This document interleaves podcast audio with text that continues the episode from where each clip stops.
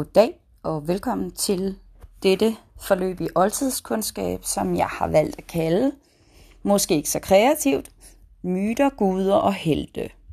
Jeg vil præsentere jer i den her første øh, lille oplæsning for en række myter, som vi skal arbejde med i timen. Og jeg vil forsøge at lige forklare, hvis jeg synes, der kommer nogle ord, som er lidt sære, som jeg tror, I kunne bruge hjælp til at få forklaret. Forhåbentlig kan det her bruges til at gøre de her lidt oldtidslaven af tekster øh, lidt mere forståelige for jer. Først så vil jeg starte med en, øh, en landmand ved navn Hesiod. Og Hesiod er græker. Det er nok meget godt at vide, nu vi både kommer til at møde grækere og romere. Og det er fra hans, øh, hans øh, bog, der hedder Værker og Dage, som jeg vil starte med at læse op fra. Der kommer vi ind på øh, tre forskellige myter. Øh, og jeg vil egentlig bare gå i gang. I kommer til at lære en masse kendetegn ved epos, øh, den genre, som man kalder epos. Og øh, øh et af kendetegnene er, at de alle sammen starter med en musepåkaldelse. Og det kan vi lige snakke noget mere om i timen, så ikke det her det bliver alt for langt. Men det er altså det første, der kommer her. Muser, fortæl os om Søvs. Kom hid fra Pierias lande. I, der grundfester ryet med sang. Besyng jeres fader. Og ry er altså en ret vigtig værdi, det er at blive husket. Besyng jeres fader. Han lader jordiske mænd vinde ry, eller dækkes af glemsel. Kendt eller ukendt bliver en vær, som den højeste vil det. Let gør han mægtig og stærk, og let han knuser den stærke. Let kan han ydmyge den, der står højt, og ophøje staklen. Let gør han også en kroget rank, og betvinger den stolte. Han, den tordnende søvs, det er altså ham, det handler om, der bor i den højeste bolig.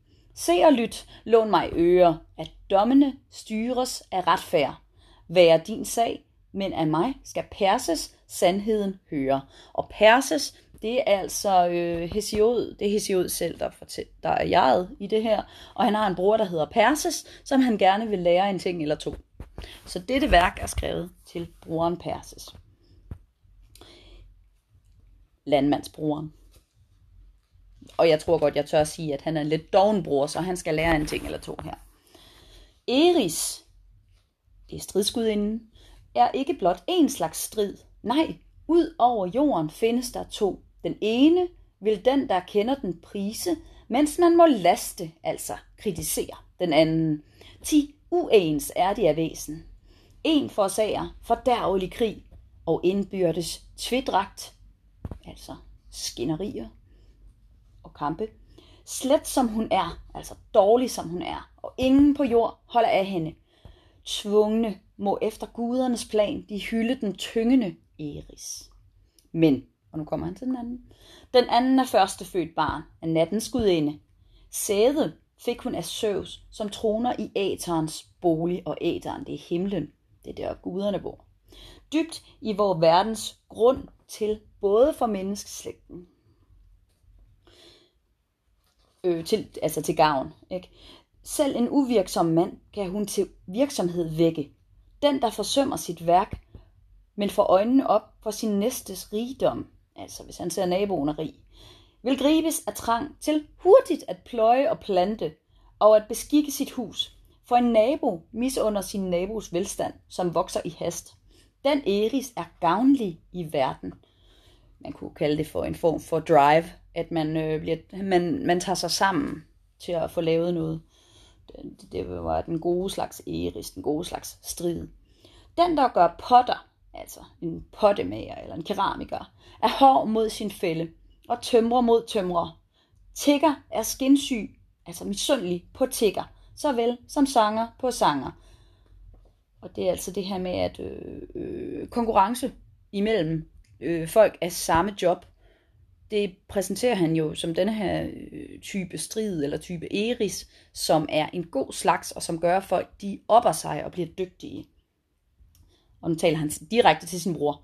Perses, betænk mine ord.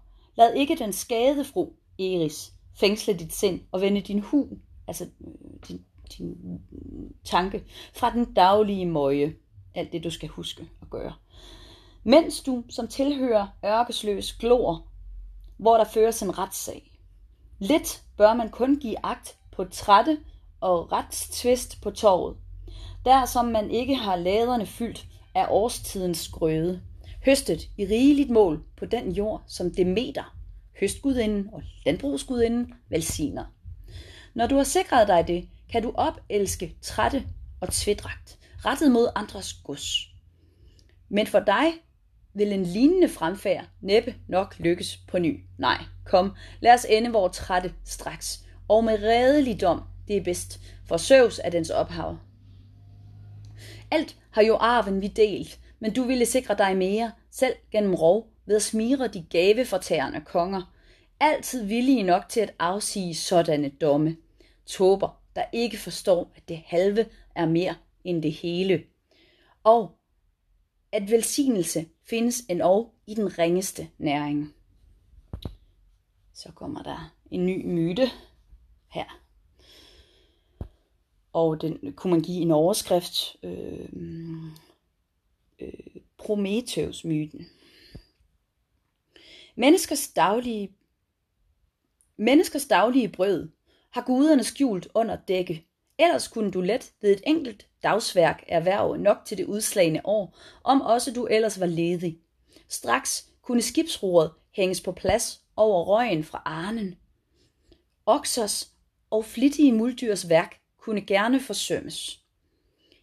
Så det vil sige, at altså, øh, kornet er jo gemt under jorden. Man skal selv, eller generelt, man skal selv ud og finde sin mad, fordi øh, ellers så kunne man jo bare tage ud og hente det, og øh, det, øh, sådan er det ikke.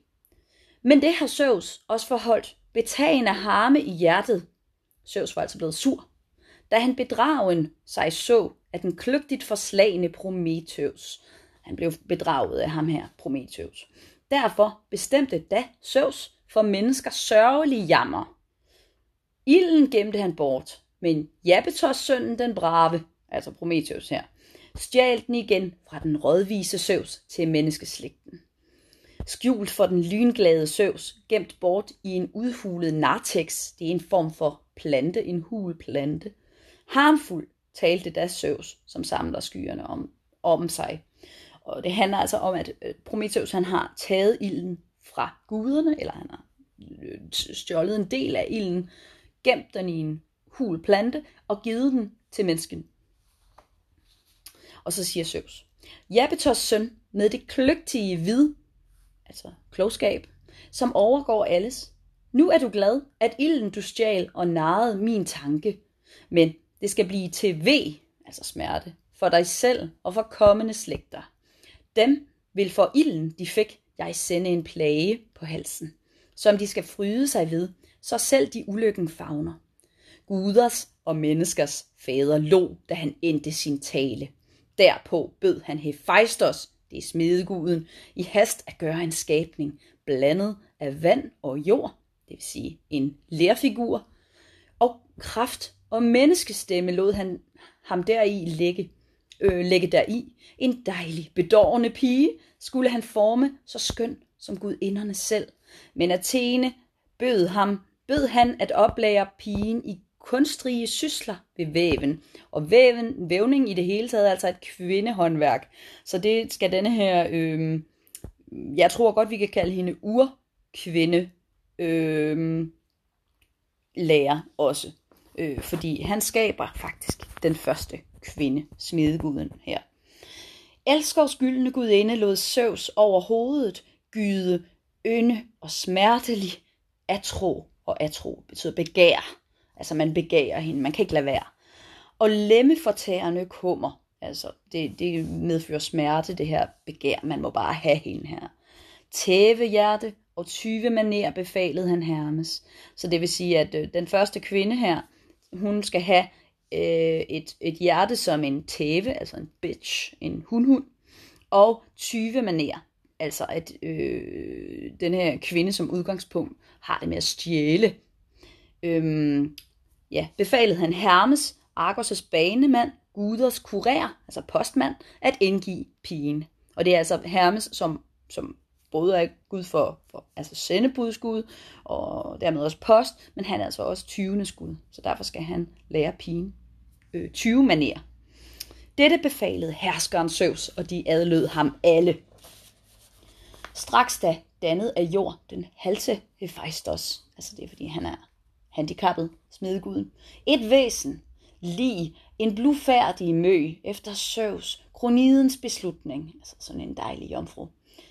Øhm, bælte og smykke hun fik af Athene med funklende øjne, og hendes hals kariterne selv og den vældige pejtår, prydet med kæder af guld, og de yndige årstidsgudinder kransede skønt hendes hoved med forårets dejlige blomster.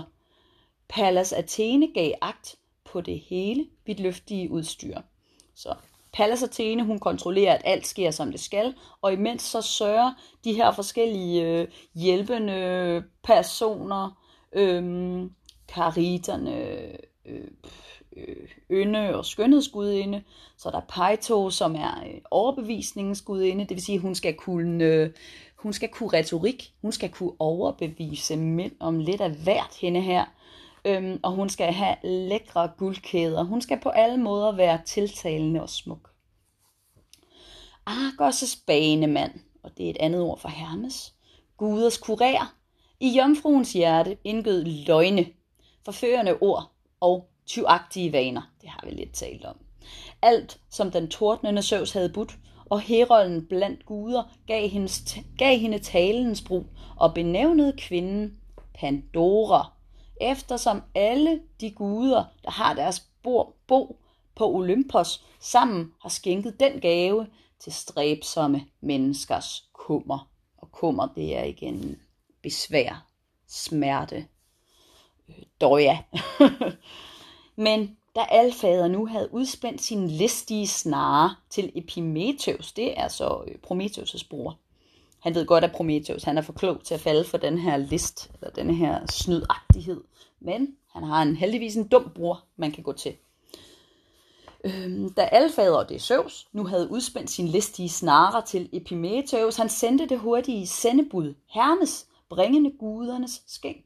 Epimetheus betænkte der ikke det, som var sagt af Prometheus, at aldrig han måtte anamme, altså tage imod eller bringe hjem, en gave fra Zeus, den olympiske gud, men sende den atter bort, for at intet fordærv skulle hjemsøge menneskeslægten. Prometheus vidste jo godt, at Zeus var sur på ham.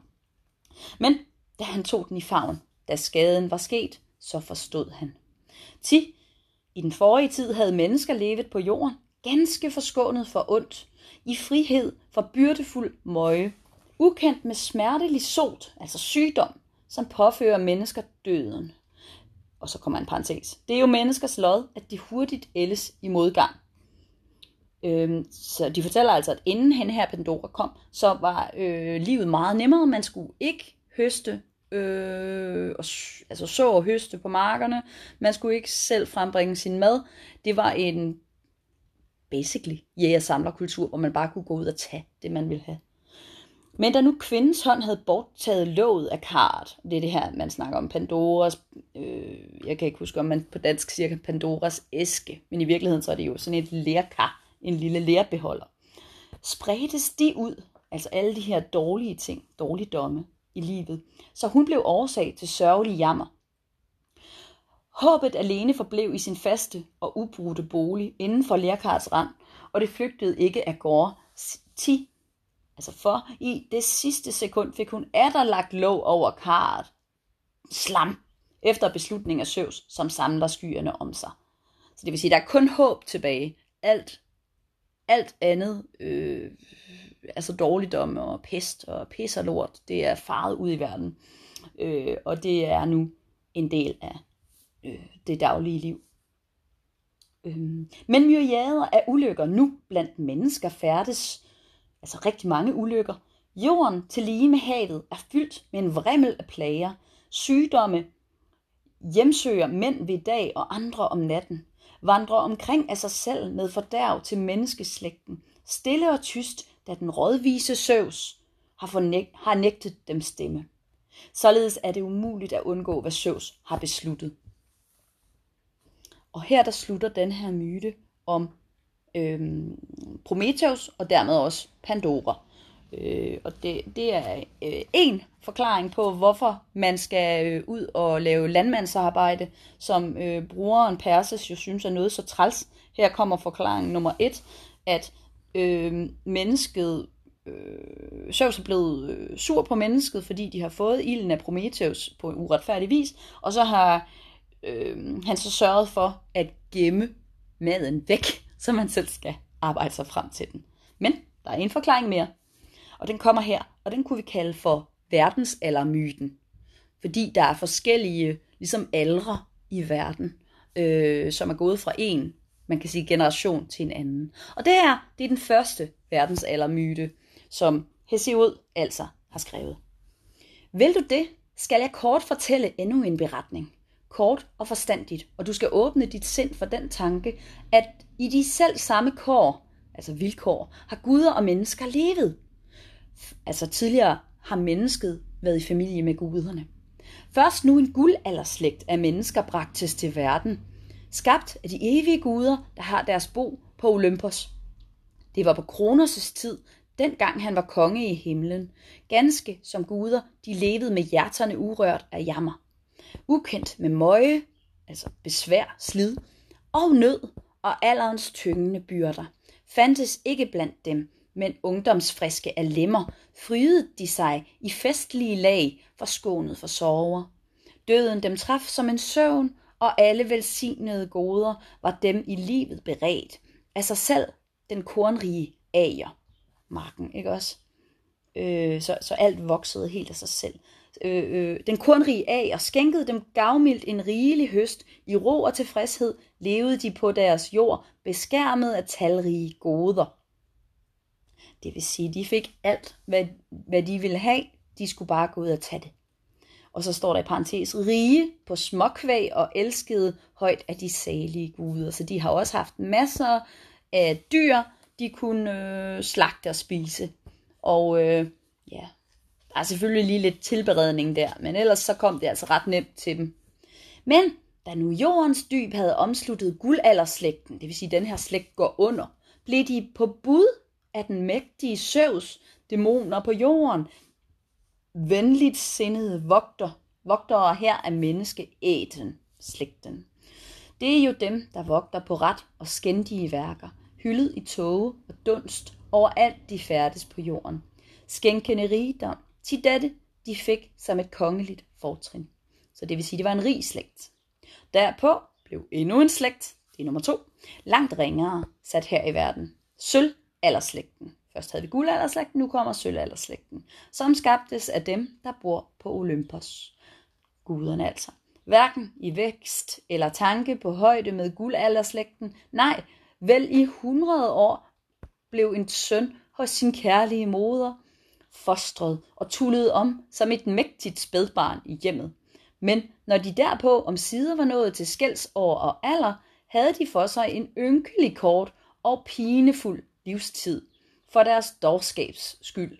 Til formasteligt overmod, det vil sige på græsk hybris, hersket i deres, det kan også kaldes stolthed, i deres liv med hinanden de evige tjente de ikke, de offrede altså ikke til guderne. Øh, heller ej bragte de ofre på gudernes hellige aldre, sådan som mennesker bør efter hjemstavns skik, og om sider harmedes Søvs kroniden. Øh, kroniden betyder søn af Kronos, Søvs altså søn af Kronos, og han blev harm over det her, og lod dem forsvinde fra jorden. Siden de undlod at ære Olympens salige guder, og det vil sige, at den her sølvaldersæk, den varede øh, til synligheden ret kortvarigt, fordi det var nogle umodne kræg, som bare var ligesom, de blev bare hjemme ved deres mor og var super umodne helt indtil de blev voksne, og så levede de kort, fordi de var nogle røvhuller over for guderne.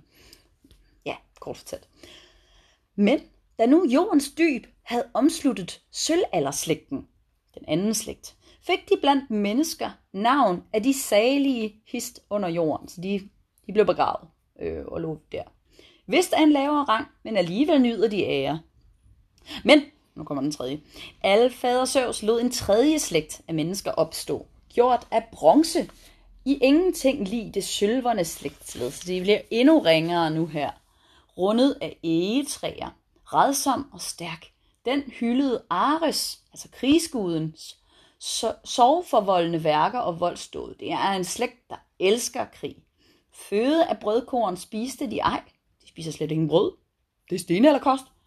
Deres hjerte var hårdt og kraftigt som stålet. Skræmmende var de, og stærke de kraftige lægemers skuldre. Bar nogle arme, og nu, uh, det bliver voldsomt det her, bar nogle arme, som ingen på jord havde mod til at møde. Bronze de brugte til våben. Af bronze var husene bygget. Bronze blev anvendt til værktøj, for jernet det sorte var ukendt.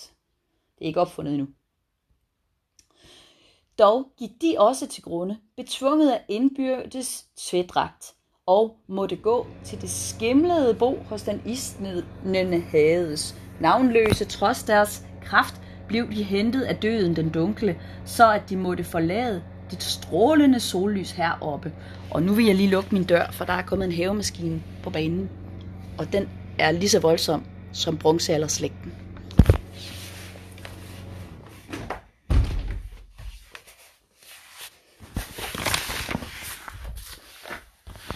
Okay.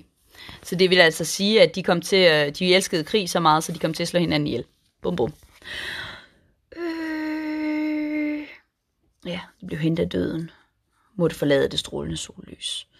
156, vers 156 tager vi fra.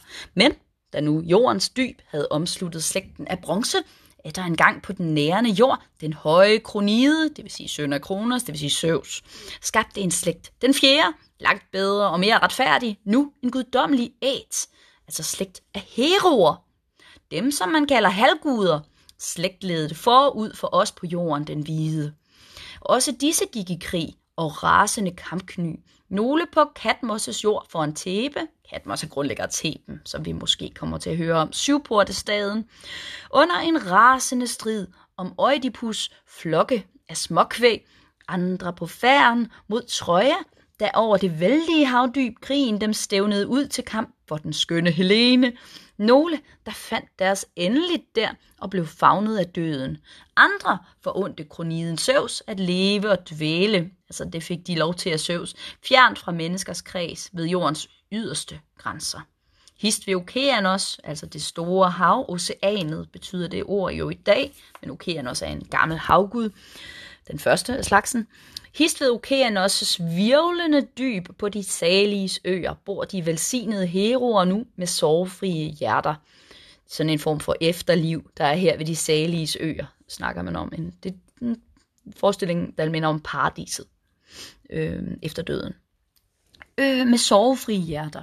Yppi, altså øh, yndefuld og øh, sødmefuld afgrøde der. Nej, det betyder ikke yndefuld. Google det. Og sødmefuld afgrøde der tre gange om året lader den kornrige ager for dem fremspire og modnes, og i parentes fjernt fra de evige guder og kroner sig konge blandt dem. Ti, han blev løst fra sin lænke af guder som menneskers fader, hæder og ry forundte han dem ved de yderste strande.